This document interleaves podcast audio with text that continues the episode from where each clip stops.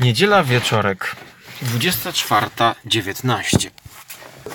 Właśnie wsiadłem do samochodu pod kinem IMAX Cinema City. W ten weekend odbyła się premiera rebootu Invisible Mana. Robi się mroźno i od razu pragnę uspokoić wszystkich fanów, a właściwie zasmucić wszystkich fanów e, filmów zimowych. Tak, e, film z 1933 roku zaczynał się piękną sekwencją zimową. Niewidzialny człowiek, m, który właściwie sam z własnej woli zrobił się człowiekiem widzialnym poprzez założenie na siebie bandaży, przyjeżdża do małej wioski pociągiem, aby w zaciszu wynajętego mieszkanka odnaleźć eliksir, antidotum na niewidzialność. Tak zaczyna się ta klasyczna powieść, znaczy powieść, ekranizacja powieści Wellsa. Tutaj jest to e, wzorowane, jest to e, luźno inspirowane powieścią, ale bierze postać niewidzialnego człowieka, genialnego wynalazcy z całym dobrodziejstwem inwentarza i przenosi w nasze czasy, a także czyni tę historię bardziej obyczajową, bardziej realistyczną i bardziej wiarygodną, powiedziałbym. Ale pozwólcie, że właściwie powiem wam o tym, że nie widzę nic przez przednią szybę i nie mogę ruszyć. Czy tak włączymy tutaj nawiew? Wrażenia na gorąco, a raczej na zimno. Dwugodzinny film oglądałem e, w siódmym rzędzie sali IMAX. No i może zanim przejdę do filmu, to powiem wam co nieco o multiplexach. Żałuję, że tak rzadko jestem w IMAXie. No nic nie widać przez, przez przednią szybę. No nic. Żarłok i skóra. i Mando, Jerry, Bogusia, Trzyma. Oraz nasi goście. Konglomerat Podcastowy. Wasze ulubione podcasty w jednym miejscu. Zapraszamy. Zapraszamy. Zapraszamy. zapraszamy. Zapraszamy. Ostatnio przegapiłem 1917 rok sama Mendesa e, w IMAXie. Nawet nie wiedziałem, że to grają w IMAXie. Bo żeby film był wyświetlany w tym kinie, to musi być tam specjalny format, musi to być e, rozdzielczość odpowiednia. E, Żeby jak siądziesz w trzecim rzędzie, to żebyś widział pory aktora, e, niedogolone wąsy. I teraz ja powiem wam na początek, że tylko szaleniec mógł wpaść na pomysł, aby te ekranizacje, aby tego niewidzialnego człowieka roku 2020 wyświetlać na największym ekranie w takiej rozdzielczości, gdyż no jest to, podoba mi się, podoba mi się ten pomysł. A dlaczego? Dlatego, że jest to film science fiction prawie bez efektów specjalnych. A powiem więcej, to jest horror science fiction. To jest horror science fiction, któremu udało się osiągnąć coś bardzo rzadko spotykanego. Otóż, kiedy my widzimy ścianę razem z, z bohaterką główną, graną przez Moss, Elizabeth Moss, patrzymy na ścianę, to my wiemy, że to nie jest ściana, tylko że tam będzie niewidzialny człowiek. To znaczy właściwie no nie widzimy go. To Taki paradoks. Idziemy do kina zobaczyć niewidzialnego człowieka i oglądamy puste ściany bloku mieszkania jednorodzinnego, eleganckiego y, zaku... nie, laboratorium. Tak?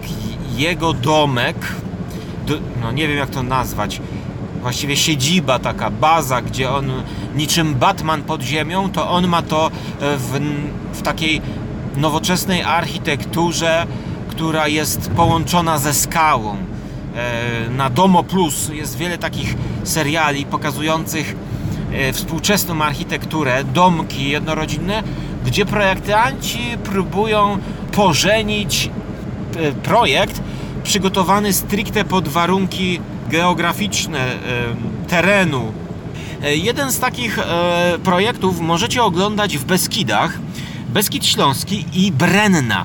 Pewien polski projektant, konieczny, e, zbudował arkę. I właśnie arka wpasowuje się e, w łagodne zbocze góry w Brennej. I tutaj nasz naukowiec ma po części to laboratorium wbudowane w skałę, a po części ta bryła wyrasta z tej skały i spogląda na morze. E, Morze, które wciąga, morze, które w jednej scenie jest spokojne i łagodne, a pod koniec w pewnym momencie jest wzburzone, tak jak emocje widza. E, muszę powiedzieć, że nie będę tutaj spoilerował, gdyż e, poleciłbym Wam wybrać się na to do kina IMAX.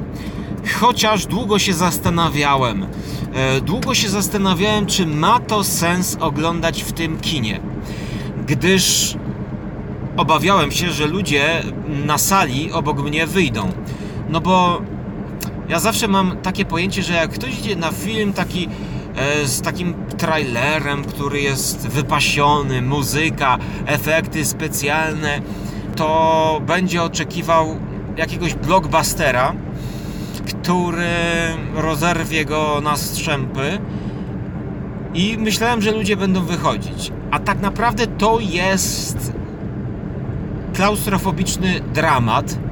E, przepraszam, pomyliłem słowa. Kameralny dramat. Klaustrofobiczny też po części, ponieważ główna bohaterka jest ex, jest byłą partnerką niewidzialnego człowieka za czasów, kiedy jeszcze był widzialny. Ale kiedy był widzialny, to był nieznośny. No typowy facet. Jak na niego patrzy, to już nie może go znieść. Zapewne chciałabym mu powiedzieć: weź, zniknij z mojego życia. No i cyk, facet kocha ją tak bardzo, że zrobi dla niej wszystko. I wymyśla strój niewidzialnego człowieka. Nie no, tutaj już konfabuluje. A- Ale konfabuluje i dlatego, że piszę tutaj wam w podcaście prequel. Tak mógłby wyglądać prequel, albo przynajmniej jakaś komediowa scena w komediowej wersji prequela do nowego Invisible Mana. A to dlatego, że ten film rozpoczyna się, kiedy uciekamy ze związku z genialnym wynalazcą. E, Uciekamy ze związku i uciekamy z tej siedziby, z tej haciendy, z tego laboratorium w pierwszej scenie.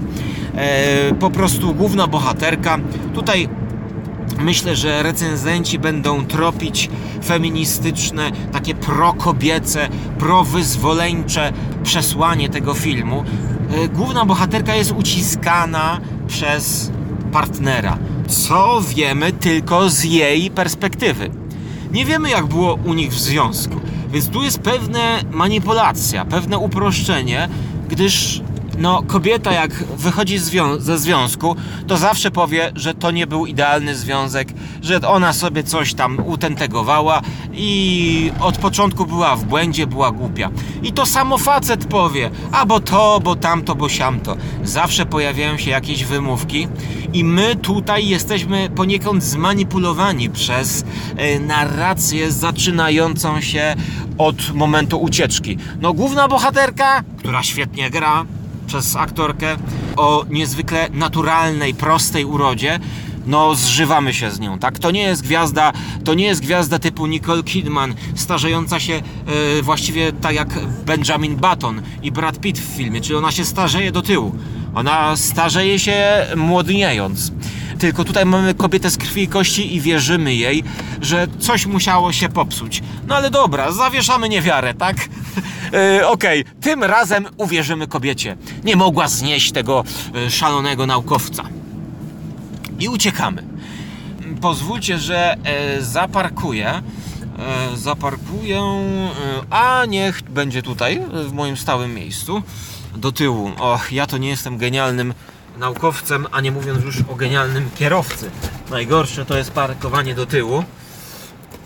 Podcast. A podcast nagrywać parkując do tyłu na kopertę. To jest wyczyn. I'm scared. just have to be scared of him anymore. He was a sociopath, completely in control of everything. He said that wherever I went, he would find me, walk right up to me, and I wouldn't be able to see him. Are you okay? Someone sitting in that chair. To jest wyczyn równowarty w włożeniu na siebie stroju niewidzialnego człowieka, który muszę powiedzieć, przypomniał mi, kiedy jakieś 17 lat temu czytałem gazetę Nowinki Techniczne. Taka jakaś gazeta, nawet, nawet kurde, gdy mama mi jej nie wyrzuciła, to powinienem ją mieć e, w swoim takim koszyku. Nawet wiem gdzie, bo ja nie wyrzucam, ja magazynuję rzeczy. I tam był pokazany gdzieś e, przez Japończyka wynaleziony projekt e, właśnie czapki niewidki, takiego skafandra, który przypominał pelerynę. I rzeczywiście było zdjęcie, może to był fotomontaż, I don't know. Było zdjęcie peleryny, na której było widać to, co po drugiej stronie, tak? Czyli zasada działania Predatora e, z filmu Predator, który właśnie w taki sam sposób stawał się niewidzialny. I tutaj e, kłaniamy się naszym czasom. E, różnica pomiędzy tymi filmami. Invisible Man wszczepił sobie jakiś specyfik, e, lekarstwo, które sprawiło, że wszystkie tkanki jego ciała stały się przeźroczyste i niewidzialne. I on zakładał strój, żeby stać się widzialny dla e, swojej tam ukochanej, brata, e, nie pamiętam, gdyż obejrzałem przed tym filmem w seans oczywiście z 33 i zacząłem oglądać drugi film z 40 roku z Vincentem Price'em, no ale z racji tego, że tam obiecane było, że Vincent Price będzie grał Invisible Mana, no ja chciałem popatrzeć na Vincenta, nie zobaczyłem go i no troszkę się rozczarowałem, bo przez pół filmu nie widać Vincenta Price'a. tak więc nie skończyłem, ale przede mną jeszcze jest i trzeci film tej trylogii i jeszcze dokument, ale i muszę to powiedzieć, bo tutaj ja wyrobiłem sobie w swoim e, podcastowym, mm, w podcastowej historii taki, czy nawet nie wiem, czy to w podcastach, ale kiedyś jeden z jakichś tam znajomych ze studiów mi powiedział, że haha, oczywiście, ty zawsze powiesz, że ten film ho, ho, z 65 albo 48 roku to jest lepszy, tak. Takie snobowanie się na starocie można było mi zarzucać. Ale powiem tak, no zawsze bronię i, i zawsze mówię prawdę i nie staram się tych sądów nie wydawać jakby po to, żeby się wysnobować, tylko kieruję się odczuciami swoimi. I pierwszy raz powiem, że jest to lepszy film niż ten oryginalny. To się rzadko zdarza e, w mojej historii. Porwał mnie totalnie. Chociaż są pewne wady, nie dam 10 na 10, nie dam też 9 na 9, ale to, co krytykowałem w, y, w, w produkcji z 33, wyreżyserowanej przez Jamesa Whale'a, czy reżysera odpowiedzialnego za Frankensteina przecież, y, oraz za sequel Frankensteina, albo The Old, Old Dark House z Borisem Kal- Karloffem, to powiem wam, że przede wszystkim to był horror komedia do którego komedia musiała być wprowadzona, no bo naprawdę, latające gadki po mieście, straszące kobietę, która krzyczy tak jak e, z filmu komediowego, slapstickowego, to no musiała być jakaś równowaga pomiędzy, pomiędzy takim pomysłem, który ciężko było wtedy zrobić horror, a wydaje mi się, że dlatego, że po, porwali się z emotyką na słońce. Universal kręcił tego, te potwory, znaczy kręcił tego Invisible Mana jakby w okresie mm, tych właśnie potworów Uniwersalu. Mumia, Frankenstein, Dracula i niewidzialny człowiek też musiał być potworem. I zrobili z niego potwora. Z naukowca, który miał misję dla ludzkości coś stworzyć. Zrobili z niego człowieka, który tak szaleje przez tą niewidzialność, że tam padają słowa, że on będzie mocarstwami jakoś rządził, że on zawładnie światem. Wszyscy na półkuli ziemskiej będą się obawiać niewidzialnego człowieka, ponieważ on będzie mógł wszędzie wejść, yy, zabić każdego. No, no jakiś absurd. Mnie podobało się podejście do takiego nieudanego eksperymentu, jakie zaprezentował film e, Mucha z lat 50., też z Vincentem Price'em. Mianowicie tam naukowiec, który w wyniku nieudanego eksperymentu zamienia się powoli w muchę, to widzimy zmagania jego z tym właśnie błędem naukowym. Pomimo, że jego opanowują żądze jakiegoś, no nie wiem, dewastacji tego wszystkiego wokół, to on pisze na tablicy słowa kocham cię do swojej ukochanej żony bodajże, którą chce uchronić od nawet widoku tej mutacji w muchę. I to miało sens. Ta walka o człowieczeństwo. A w 1933 roku walka o panowanie nad światem, połączona z horrorem, była dla mnie czymś, co oglądane teraz po latach naprawdę sprawiło mi rozczarowanie i zawód, chociaż 15-minutowa pierwsza część, kiedy niewidzialny człowiek zimą wchodzi do miasteczka, wynajmuje pokój, jest przecudownie zrealizowanym e, filmem, częścią filmu, taką sekwencją i omówiłem ją osobno w 42 odcinku filmów zimowych. Don't you see what it means? Power. Power to rule, to make the world grovel at my feet. Jack, listen to me. Listen. Oh, come and stay with us. Let's fight this thing out together. Power, I said. Power to walk into the gold vaults of the nations, into the secrets of kings, into the Holy of Holies. Power to make multitudes run squealing in terror at the touch of my little invisible finger. Even the moon's frightened of me, frightened to death. The whole world's frightened to death. ale jako całość dla mnie to było pokraczne i no, to, to, to było dzieło takie i myślałem właśnie, że jest szansa, że jest szansa, że ten nowy film, jeśli postawi na dramat obyczajowy i skalę mikro, czyli szaleństwo niewidzialnego człowieka będzie ukierunkowane na drugą konkretną osobę. I tak właśnie jest. I dlatego ten film wciągnął mnie swoim prawdopodobieństwem. Czyli dla mnie było nieprawdopodobne to, co się działo w 30 latach u Jamesa Whale'a. To było po prostu z kosmosu wzięte motywacje były, no, brały się z kosmosu, brały się z decyzji, mam wrażenie, no, nie wiem, producent, producenta, że niewidzialny człowiek musi być potworem, monstrem. Tutaj motywacje głównego bohatera są zrozumiałe. Zostawia go dziewczyna i on chce zrobić wszystko, jest takim tyranem, powiedzmy, chce, żeby do niego wróciła i posunie się do wszystkich chwytów niedozwolonych, żeby ją do siebie z powrotem przyciągnąć. Robi z tego rasowy horror. Mamy tutaj mm, strych, mamy tutaj jakiegoś ducha, upiora, gdyż przez 99% filmu nie widać niewidzialnego człowieka, co wielu może zaskakiwać, gdyż ten film i trailer reklamowany może się kojarzyć jako coś ala superhero movie, no bo widać w trailerze kostium. Kostium, który tutaj widać może przez minutę filmu. Choć w pewnym momencie widać go za dużo. Ale minusy na koniec zostawmy. I tutaj rozwija się nam ta relacja. Kobieta jest prześladowana przez tego niewidzialnego człowieka. Kobieta ucieka od niego do jakiegoś przyjaciela rodziny i tam zaszywa się. No ale oczywiście on ją jest w stanie odnaleźć i ją prześladuje na różne możliwe sposoby, co daje nam możliwość sięgnięcia do e, klasycznego sztafarzu horroru, czyli jest jakiś upiór, a nie widać. Firanka zawieje, może nam wyskoczyć jakiś potwór. Wszystko to, co w horrorze jest, to tutaj też mamy. Czasami zahacza to o taki gotycki horror, że kobieta patrzy za okno i kto tam wyskoczy. Patrzy po ścianach, gdzie się pojawi jakaś bestia, upiór.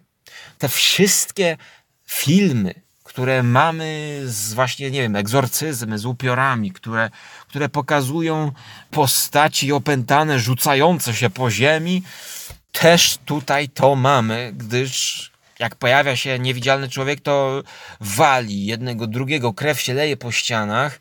Po prostu powstaje nam horror science fiction. Horror, ponieważ od początku nie wiemy, czy ten główny niewidzialny człowiek jest, czy go nie ma.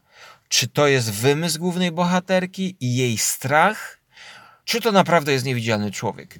I tutaj twórcy ograniczają zupełnie jakiekolwiek naukowe wyjaśnienia i całą genezę tego, w ogóle czy on pracował w takiej firmie, czy dlaczego on to wymyślił, kiedy, czy to w ogóle wymyślił, czy to powstało, ten kostium. Pewnym momencie filmu pojawia się ten kostium i widzimy, jak on działa, jak funkcjonuje. I tutaj właśnie chciałbym przywołać Wam tę gazetkę sprzed lat nastu. To właśnie na tej samej zasadzie. No jakieś tam kamerki coś tam wyświetlają. I kiedy my w to uwierzymy, znaczy no uwierzymy, no, no, no ja, ja w to wierzę. Właśnie nawet powiem inaczej, że zanim ten kostium się pojawia, to ja wierzę i ja wyczuwam, że jest tutaj ten niewidzialny człowiek gdzieś. On cicho wchodzi, główna bohaterka śpi w pokoju z jakąś tam siostrzenicą i wiem, że gdzieś skubaniec się schował pod łóżko, żeby na nią popatrzeć jak śpi. Ech, nikt nie wierzy naszej głównej bohaterce. Mm. Ja bym powiedział, że to mógłby być jeden z odcinków e, kolejnej serii Black Mirror daje sobie głowę uciąć, y, że Charlie Brooker oglądając to pluł sobie w głowę, czemu ja nie wpadłem na to, żeby zrobić ekranizację. No przecież mógł sięgnąć, tak jak raz sięgnął do jednego z opowiadań, już nie pamiętam którego, i toczka w toczkę, no prawie, że zrobił ekranizację. Tak, to, to, to Black Mirror. Właśnie pokazuje nam ta cała sytuacja w pewien sposób niebezpieczeństwa wynikające z technologii. Tutaj ta technologia jest bardzo zaawansowana. Stworzyć taki kostium to jeszcze pewnie nie wiem, czy to będzie w ogóle możliwe, ale nie ma to znaczenia, gdyż to jest po prostu science fiction. Science fiction, które właśnie jest no, w dużej mierze dram dramatem obyczajowym, opowiadającym o prześladowanej kobiecie uciekającej przed e, swoją przeszłością i, i ukochanym byłym ex. I właściwie pytanie rodzi się, czy ten film zyskuje na IMAXie? Czy jest w ogóle sens to robić na IMAXie? I tutaj pierwsze argumenty, jakie miałem w swoim wewnętrznym dyskursie i polemiką ze samym sobą, siedzącym w Dzień Kobiet na e, wielkiej sali kinowej, mieszczącej chyba 15 rzędów, i siedząc w siódmym rzędzie, mm, słyszałem po prawej stronie jakąś parę, która szeleściła, nie potrafiąc jeść cichutko. I zastanawiałem się, dlaczego w IMAXie są skórzane fotele. Przecież lepsza akustyka jest, kiedy jest wykładzina na tych fotelach. To bardziej chłonie dźwięki.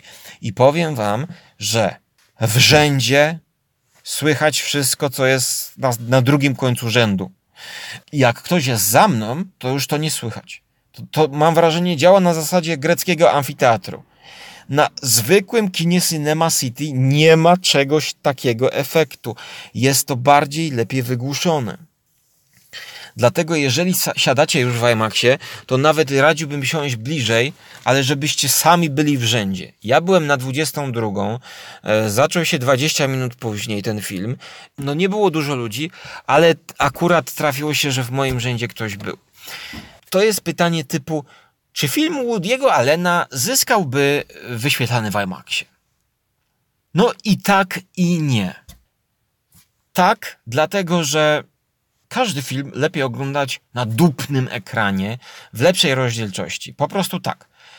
Jeżeli nie masz za to zapłacić 100 razy więcej pieniędzy, to czemu by nie? Albo jechać gdzieś daleko na, do drugiego miasta. I ten argument sprawdza się yy, w przypadku Invisible Mana. Ale powiedziałbym tak. Tutaj człowiek dopatruje się na tym dupnym ekranie a może gdzieś będzie zarys tego Invisible Mana? A może gdzieś poruszy się jakiś przedmiot? No i rzeczywiście jest taka jedna scena, że nóż spada, porusza się i kątem oka możemy to zobaczyć. Siedząc chyba w siódmym albo ósmym rzędzie dzisiaj, ja Nie byłem w stanie ogarnąć całego ekranu. Wodziłem, wodziłem po, e, po mieszkaniu, po widoku na, na kuchnię. Kurde, gdzie on jest? Tu, tam, tu, tam. Tak mi głowa wręcz trochę latała. Bo ja zwykle siadam z boku, ale teraz chciałem siąść w środku i powiem wam, że jest taki efekt, że ja się zastanawiam, czy oni coś pokażą, czy nie. No i oni pokazują dopiero tego Invisible Mana już jak w stroju jest, jak tam po części go widać, no bo wiadomo, jak sypniemy na niego mąką czy farbą, no to będzie go widać. I właściwie nie oglądajcie traileru, bo w traileru, że jest to wszystko pokazane, co, co tutaj pojawia się jako potwór. Na strychu, jako potwór straszy nas i nagle się pojawia. What happened to him? He cut his wrist. Per his final wishes, you're getting $5 million. Contingent, of course, on the fine print. He can't be ruled to be mentally incompetent. It just doesn't make any sense. What? Adrian wouldn't kill himself. Minusy, minusy. Oprócz, no bo jest fabuła wciągająca, emocje, wiesz, gra, naturalistyczna gra, ale minusy. Facet grający Invisible Mana jest dla mnie niewiarygodny. Ten aktor przypomina jakiegoś młodzieniaszka, który pakuje na siłowni, a nie siedzi w swoim gabinecie i rozmyśla nad wynalazkami mającymi uszczęśliwić ludzkość. Zupełnie nie uwierzyłem w tego bohatera, który powinien występować w jakimś slasherze prędzej, teen movie, a nie w tego typu poważnym dramacie. To mi zaburzyło końcówkę. Mm, Następnie tyle energii twórcy włożyli w to realizm, w emocje, dramat. No Stephen King podejrzewam będzie zachwycony tym filmem, tą całą podbudową psychologiczną. I ja się pytam, czy naprawdę w pewnym momencie, kiedy tam całego widać tego Invisible Mana, czy nie można było mu założyć gumowego stroju, tylko musieli robić jakieś CGI? To tak psuje, no naprawdę jakiś, nie wiem, motion capture czy coś takiego. Są tam takie momenty, że widać go całego i, i dlaczego ja muszę patrzeć na animację? Tak nienaturalnie to wygląda. No, trzeba było wziąć jakiegoś wygimnastykowanego chudzielca, który by się poruszał w tym gumowym stroju i naprawdę to by było wtedy lepsze. To by było lepsze. A tutaj mamy i gumowy strój, jak są blisko siebie aktorzy, ale w pewnych momentach jest, jest taka jakaś animacja dziwna, która całkowicie psuje mi realizm i pytam się po co, po co i dlaczego. Czy naprawdę w dzisiejszych czasach i w, i, i, i, i, i, i w epoce IMAXów nie można ubrać człowieka tak jak kiedyś ubierało się człowieka za jaszczura w Godzilli? Czy to jest takie krępujące i uwłaczające? Sam z chęcią chodziłbym w takim stroju po Krakowie.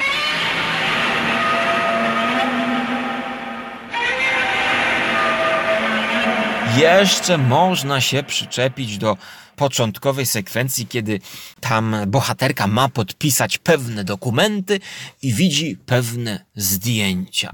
No i y, tutaj człowiek, który zrobił jakiś optyczny strój sprawiający, że jest niewidzialny, to, to ona nie, nie podejrzewa, że te zdjęcia mogą być sfałszowane i zgadza się na, na warunki i zgadza się na opcje, znaczy na propozycje. Nie wiem, nie wiem. Po prostu chociaż ta bohaterka cały czas powątpiewa w to, co zostaje jej przedstawione. Enigmatycznie mówię, żeby nie spoilerować jak najmniej. Kolejnym minusem dla mnie wprowadzenie takiego revenge movie, czy revenge movie, tak, Kill Bill, zapomniałem jak to się nazywa, zemst, że, że, że bohater się mści. Też wydawało mi się to trochę niezgodne z tą bohaterką, która była no, łagodna właśnie i, i walczyła o swoje, walczyła właściwie o spokój i o wolność to już było niepotrzebne. To, to, ta, ta, końcówka, ten epilog był taki już trochę na siłę, powiedziałbym. Ale całościowo ja bym dał 7,9, no może nawet dałbym 8. Film z muzyką elektroniczno-klasyczną, takie, takie ambienty, takie pierdy, takie wiecie, takie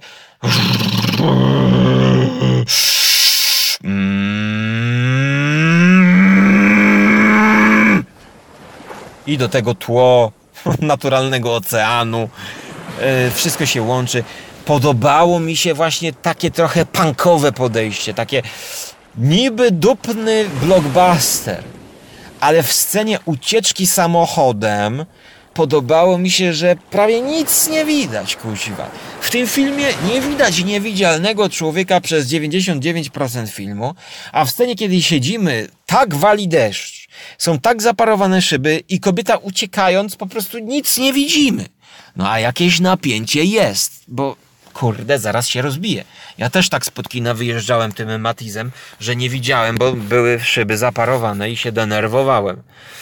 Tak więc no są tutaj takie e, niehollywoodzkie um, triki, niehollywoodzki sznyt sandansowy, powiedziałbym wręcz, a film miał być pierwotnie chyba bardziej wypasionym blockbusterem, przypominającym Mumię z Tomem Cruzem, gdyż początkowo było to jako Dark Universe w ramach uniwersalu rozszerzania i powrotu i rebootu tej całej właśnie Monster serii.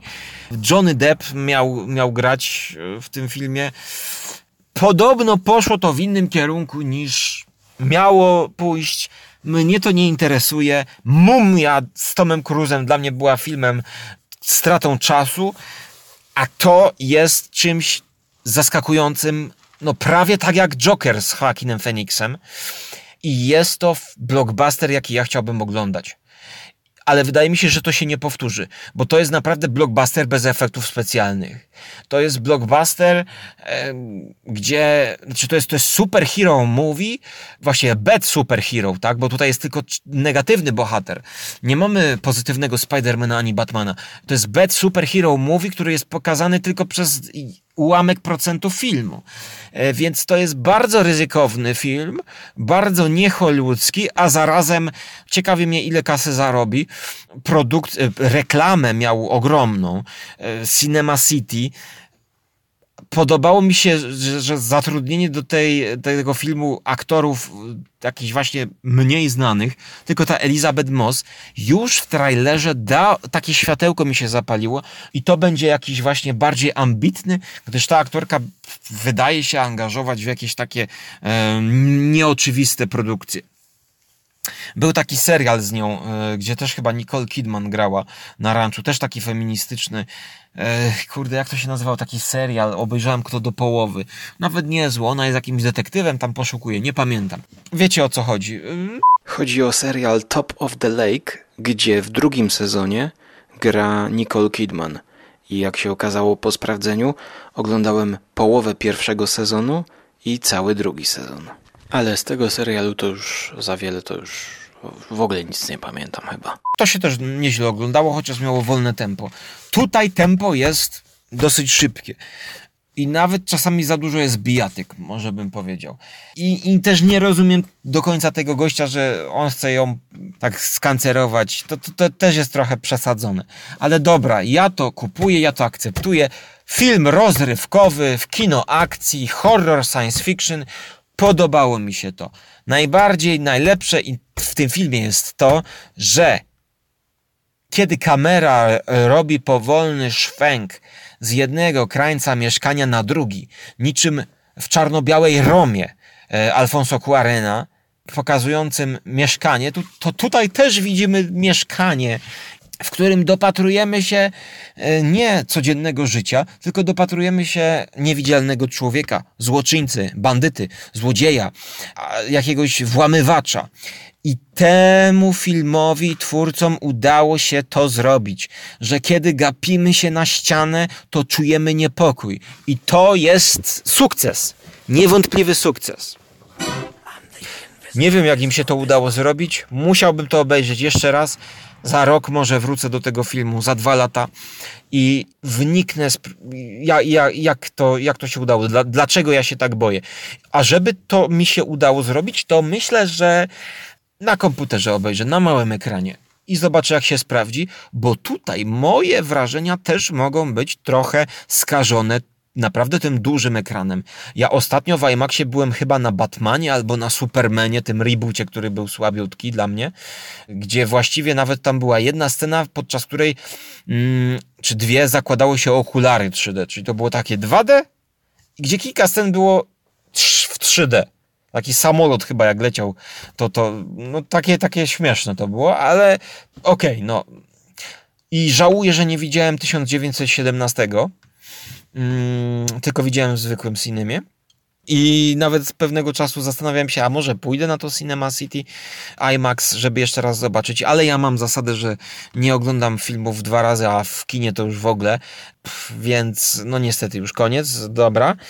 Zasady nie łamię, dlatego że w tym czasie mógłbym obejrzeć inny film. No i powiem wam, że ja teraz będę, jeżeli jakiś film będzie w IMAXie, w 2D, w 2D, to niezależnie od tego, jaki to będzie gatunek, czy komedia, czy, czy ten, to, to zawsze będę chyba chodził do IMAXu już, bo no nie wiem w ogóle nawet, co, co, sprawdz- nie, co puszczałem w tym IMAXie, bo, bo ja się nie, nie, nie rajcowałem tym, ale naprawdę ten, ten wielki ekran to jest, to jest mokry sen każdego kinomana. Jak sobie siądziemy w środku, to to jest po prostu, to, to wyświetlany ten obraz od góry do dołu, to trzeba bliżej siąść, to pole widzenia człowieka traci boczne ściany i górne ściany. No akurat ten film był bardziej panoramiczny. To nie było tak jak trailer takiej IMAXowej produkcji jakiejś tam, że są różne światy. I, I ten trailer był wyświetlany rzeczywiście od góry do dołu. No a potem pojawił się jednak ten panoramiczny pasek i ech, no trochę było widać to, tą, tą górę i dół kina. Ale mimo to jest, jest wrażenie no to jest dla mnie tak esencja takiego, takiego teatru kinowego, y, takiego, takiej sali kinowej idealnej, bo te wszystkie seanse 3D to ja... Puknijcie się w głowę.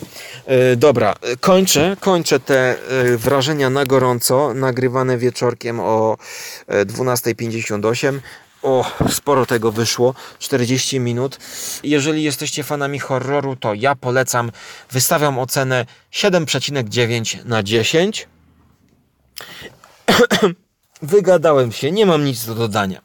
Ciekawi mnie opinia kolegów z konglomeratu podcastowego. Trzymajcie się ciepło. Do usłyszenia w przyszłości, bądź do zobaczenia na Żarłok TV w recenzjach jedzenia. A co jadłem podczas tego filmu? Aha, niewidzialną wodę piłem. Tylko przeźroczysta woda do tego filmu polecam.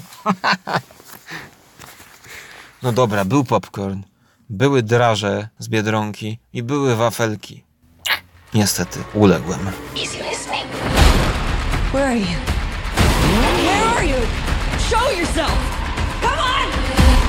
Do it! There you are.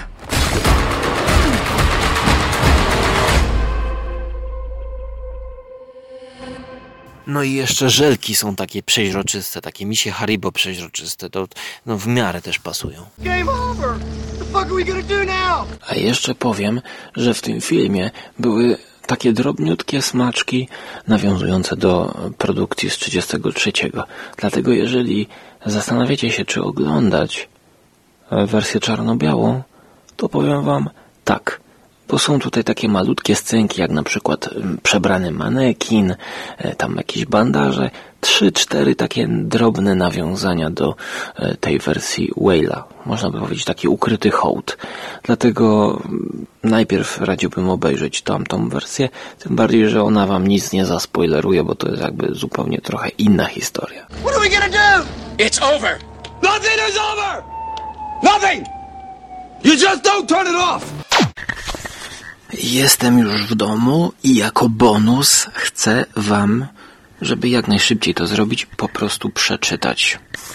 Przeczytać fragment książki pod tytułem Zaczarowana gra. E, jest to polskie wydawnictwo Antoniego Smuszkiewicza. Jest to zaczarowana gra, czyli zarys dziejów polskiej fantastyki naukowej wydane przez wydawnictwo poznańskie w roku 82. E, ja to wypożyczyłem z biblioteki, ale chyba będę musiał sobie kupić to, gdyż jest tak interesujące.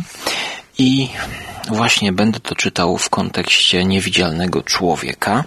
E, dodam jeszcze tylko, że do IMAXu specjalnie się nie spóźniłem i film oglądałem od samego początku, e, więc tutaj jakby no, nie, ma, nie mam żadnych złudzeń. Jest to ciekawa książka mówiąca o tym, że Bolesław Prus pisali science fiction, Adam Mickiewicz też zabierał się za science fiction, niestety zaginął ten e, fragment jego prozy i właśnie najszybciej będzie jak będę wam po prostu to czytał bez żadnego komentarza. To jest bonus, bonus do tego podcastu. W głównym nurcie opowieści o cudownym wynalazku znajduje się też nowelka Sygwarda Wiśniowskiego, urodzony 1841, zmarł 1892. Nowelka pod tytułem Niewidzialny, której temat oparty jest również na motywie niezwykłego odkrycia naukowego, a główny problem dotyczy konsekwencji ingerowania człowieka w naturalne prawa bytu. Jej autor przez przeszło pół wieku był postacią prawie zupełnie zapomnianą. Przypomniał go dopiero po wojnie Julian Tuwim, który wspólnie z Bolesławem Olszewiczem opracował trzytomowy wybór jego pism, wydany w latach pięćdziesiątych. A nowelę Niewidzialny włączył ponadto do swojej słynnej antologii Polska nowela fantastyczna z 49 niezwykle barwna i ciekawa biografia Sygwarda Wiśniowskiego mogłaby stać się tematem niejednej powieści podróżniczo-przygodowej.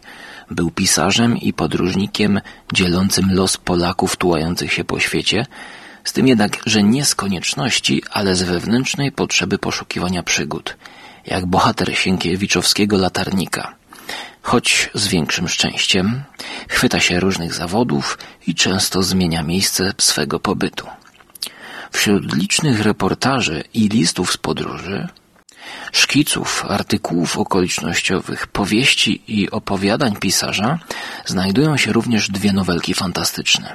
Drzewo latające i wyżej wymieniony Niewidzialny. Ta ostatnia ze względu na wybitnie fantastyczno-naukowy charakter zasługuje na szczególną uwagę ukazała się drukiem w Kurierze Warszawskim w roku 1881, a więc na 16 lat przed opublikowaniem słynnego utworu Wellsa na ten sam temat. Niewidzialny człowiek był wydany w 1897 roku. Jednakże nie tylko sam temat niewidzialności zatrzymuje uwagę w tym opowiadaniu, ale również charakterystyczny sposób prowadzenia narracji. Wypowiadający się w pierwszej osobie narrator należy do świata przedstawionego i jest jako postać literacka krewnym głównego bohatera, hrabiego Opalińskiego. Przekonany, że cytat, nie ma zjawiska, którego by nie można wytłumaczyć przyrodzonymi sposobami, pragnie wyjaśnić niezwykłą tajemnicę swego dalekiego kuzyna. Ponieważ jednak jego wiedza jest ograniczona, w węzłowym momencie akcji głos zabiera sam główny bohater. Z jego relacji dowiadujemy się nieco więcej szczegółów. On to potomek możnego rodu, entuzjasta nauk przyrodniczych, ze swej ogromnej fortuny finansował ku zgorszeniu rodziny kosztowne eksperymenty pewnego niemieckiego uczonego, niejakiego profesora Freiburga, pracującego nad rozwiązaniem problemu niewidzialności.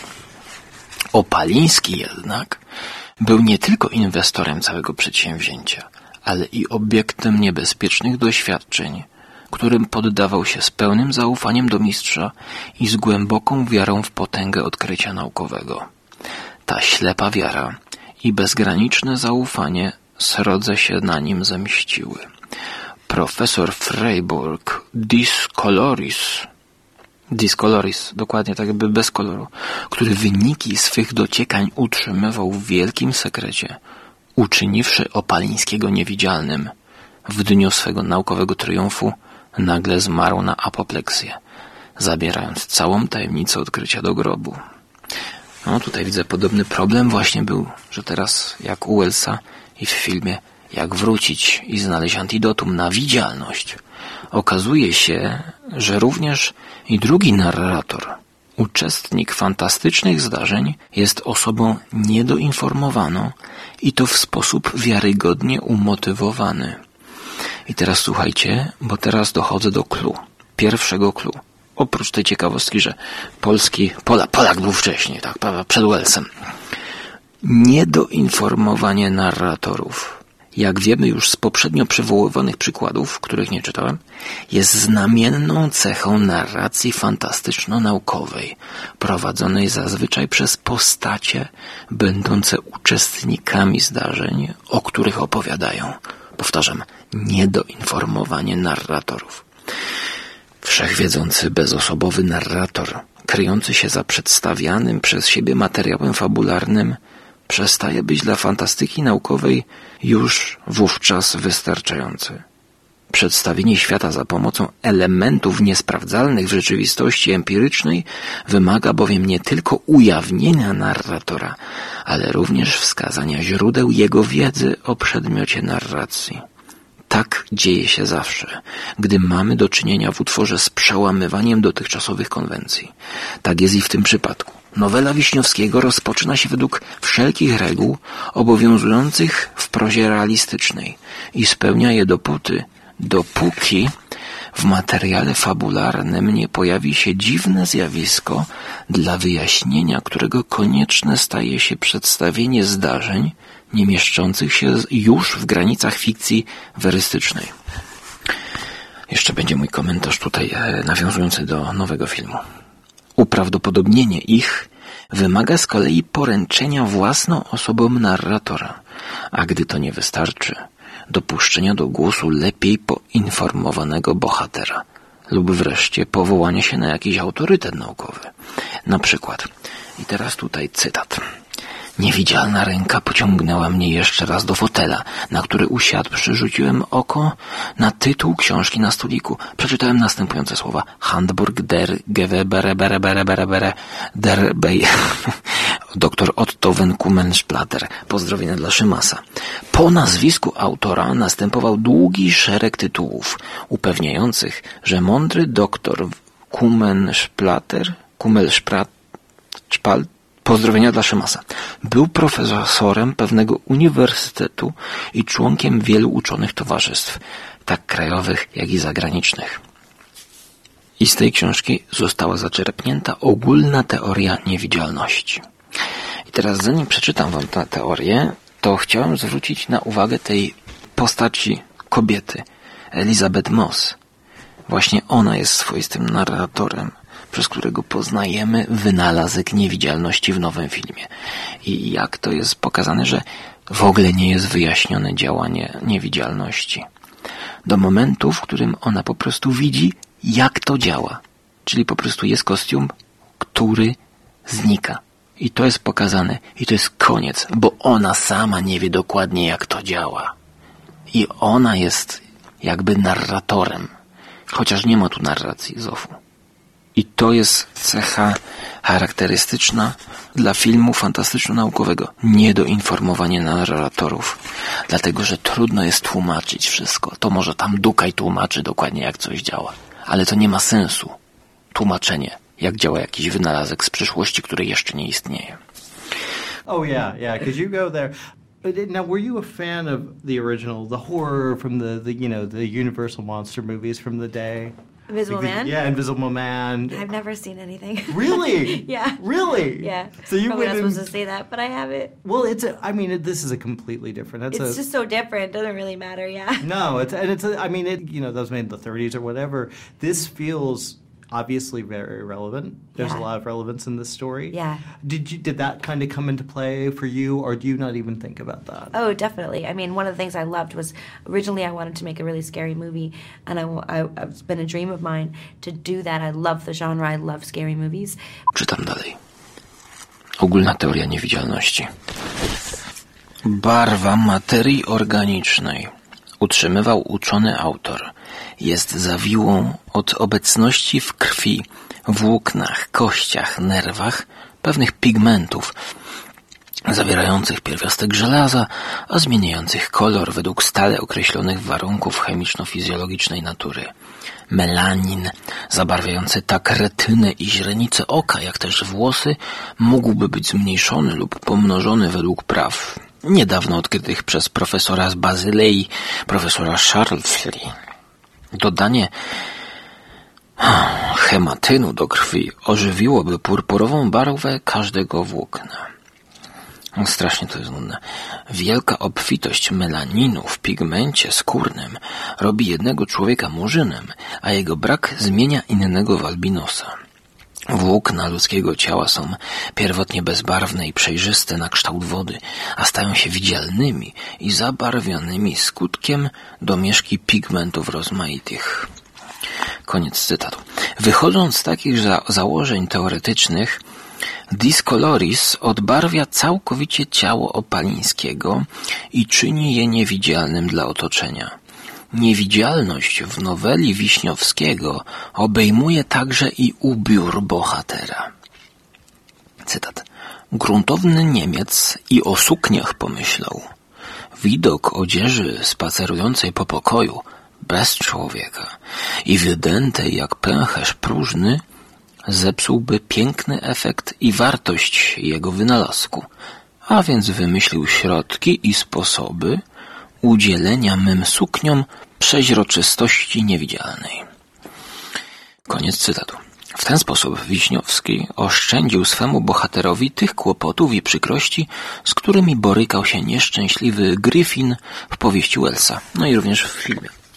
Nie znaczy to jednak, że Opaliński jest zadowolony ze swego losu. Niewidzialność wyłączyła go poza nawias normalnego życia. Discoloris, urzeczywistniając odwieczne marzenie o czapce niewidce, wbrew pozorom i na przekór baśni, która ten motyw chętnie eksploatowała, nie czyni przez to nikogo bardziej szczęśliwym.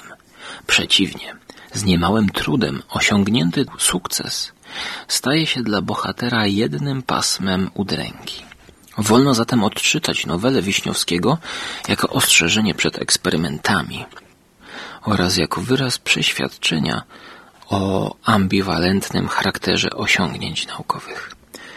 Początkowo naiwna wiara w ich nieograniczone możliwości, która co prawda długo jeszcze pozostanie znamienną cechą literatury młodzieżowej, w ambitnej science fiction dość szybko ustępuje miejsca chłodnej refleksji nad perspektywami rozwoju nauki i techniki, nad konsekwencjami zbyt gwałtownej ingerencji w naturalne środowisko człowieka, nad nieliczeniem się z naturalnymi prawami przyrody.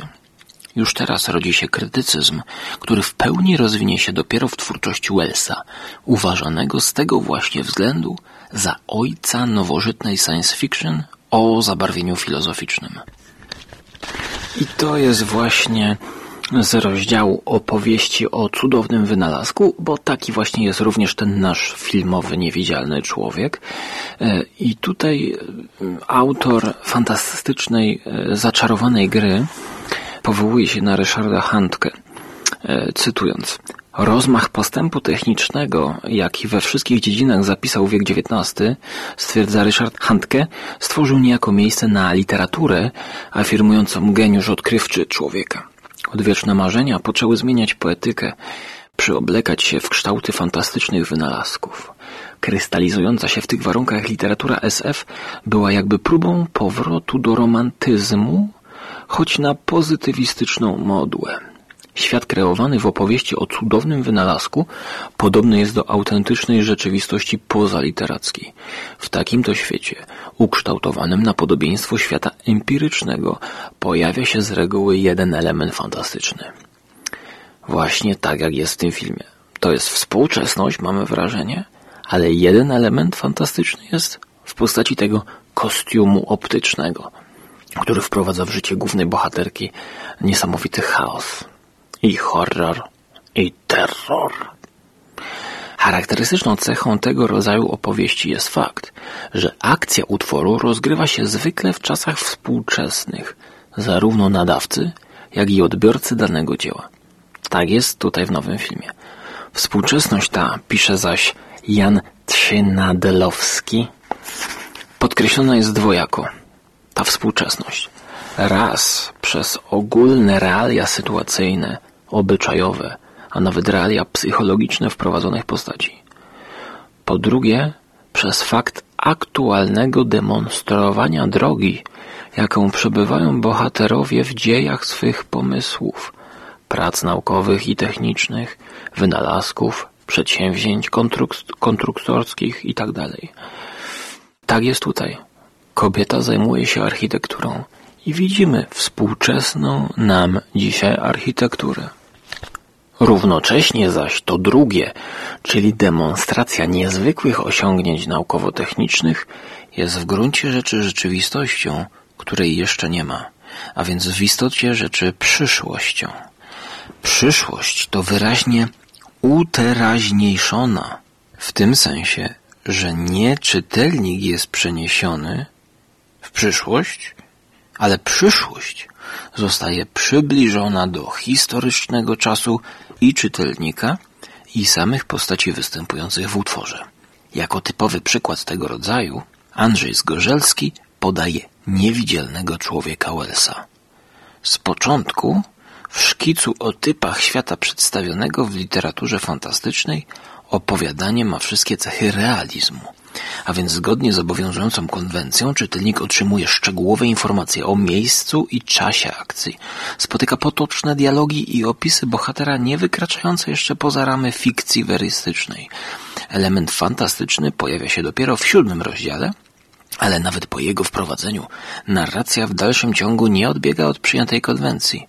Świat powieściowy kreowany jest nadal w głównej mierze metodami realistycznymi, chociaż uwaga autora skupia się na wprowadzonym elemencie fantastycznym. Jego odkrywanie jest powolne i ostrożne, a on sam potraktowany statycznie. I tutaj odkrywanie e, właśnie tego wynalazku w filmie jest, mm, powiedziałbym, nie jest powolne i ostrożne, ale jest zgodne z duchem konwencji horroru. Czyli czasami jest nagłe, zaskakujące, straszne. Opowieść o cudownym wynalazku, która w zalążkowej formie ujawniła się po raz pierwszy pod koniec epoki romantycznej w powieści Triplina Podróż po Księżycu, teraz w okresie pozytywizmu miała jak najlepszą okazję rozwinąć się w twórczości jednego z najwybitniejszych polskich realistów, Bolesława Prusa. Ale w momencie, w którym ja dochodzę już do Bolesława Prusa, to ludziom zapewne w bebechach przewraca się lalka i ci, którzy będą chcieli sobie doczytać o opowiadaniach fantastycznych Prusa, zapraszam do zaczarowanej gry. Książki o zarysie dziejów polskiej fantastyki naukowej. Wypożyczyłem ją, ale chyba sobie kupię, bo wystarczy walnąć komuś argumentem, kto jest przeciwko science fiction, że Mickiewicz pisał i tutaj się powołać. Myślę, że nie będę tego komentował. Wiadomo, jak to się odnosi do niewidzialnego człowieka i do nowej współczesnej wersji. To był bonus. Kończę. Trzymajcie się. Mam nadzieję, że moje czytanie było znośne i nie musicie teraz wypożyczać. Jesteście super doinformowani. Jesteście bossami. Zaczarowałem was zaczarowaną grą. So, I see. Kemp couldn't sleep. He had to go downstairs. He was frightened. I put my trust in Kemp. I told him my secret, and he gave me his word of honor. You must go now, Flora. I want to help you. I'm scared. You don't have to be scared of him anymore. He was a sociopath. Kemp couldn't sleep. Jest już pół do drugiej w nocy, pomiędzy niedzielą a poniedziałkiem. Muszę iść po prostu odpocząć. I myślę, że odpocznę oglądając jakiś serial. Podam. Podam. Kemp couldn't sleep.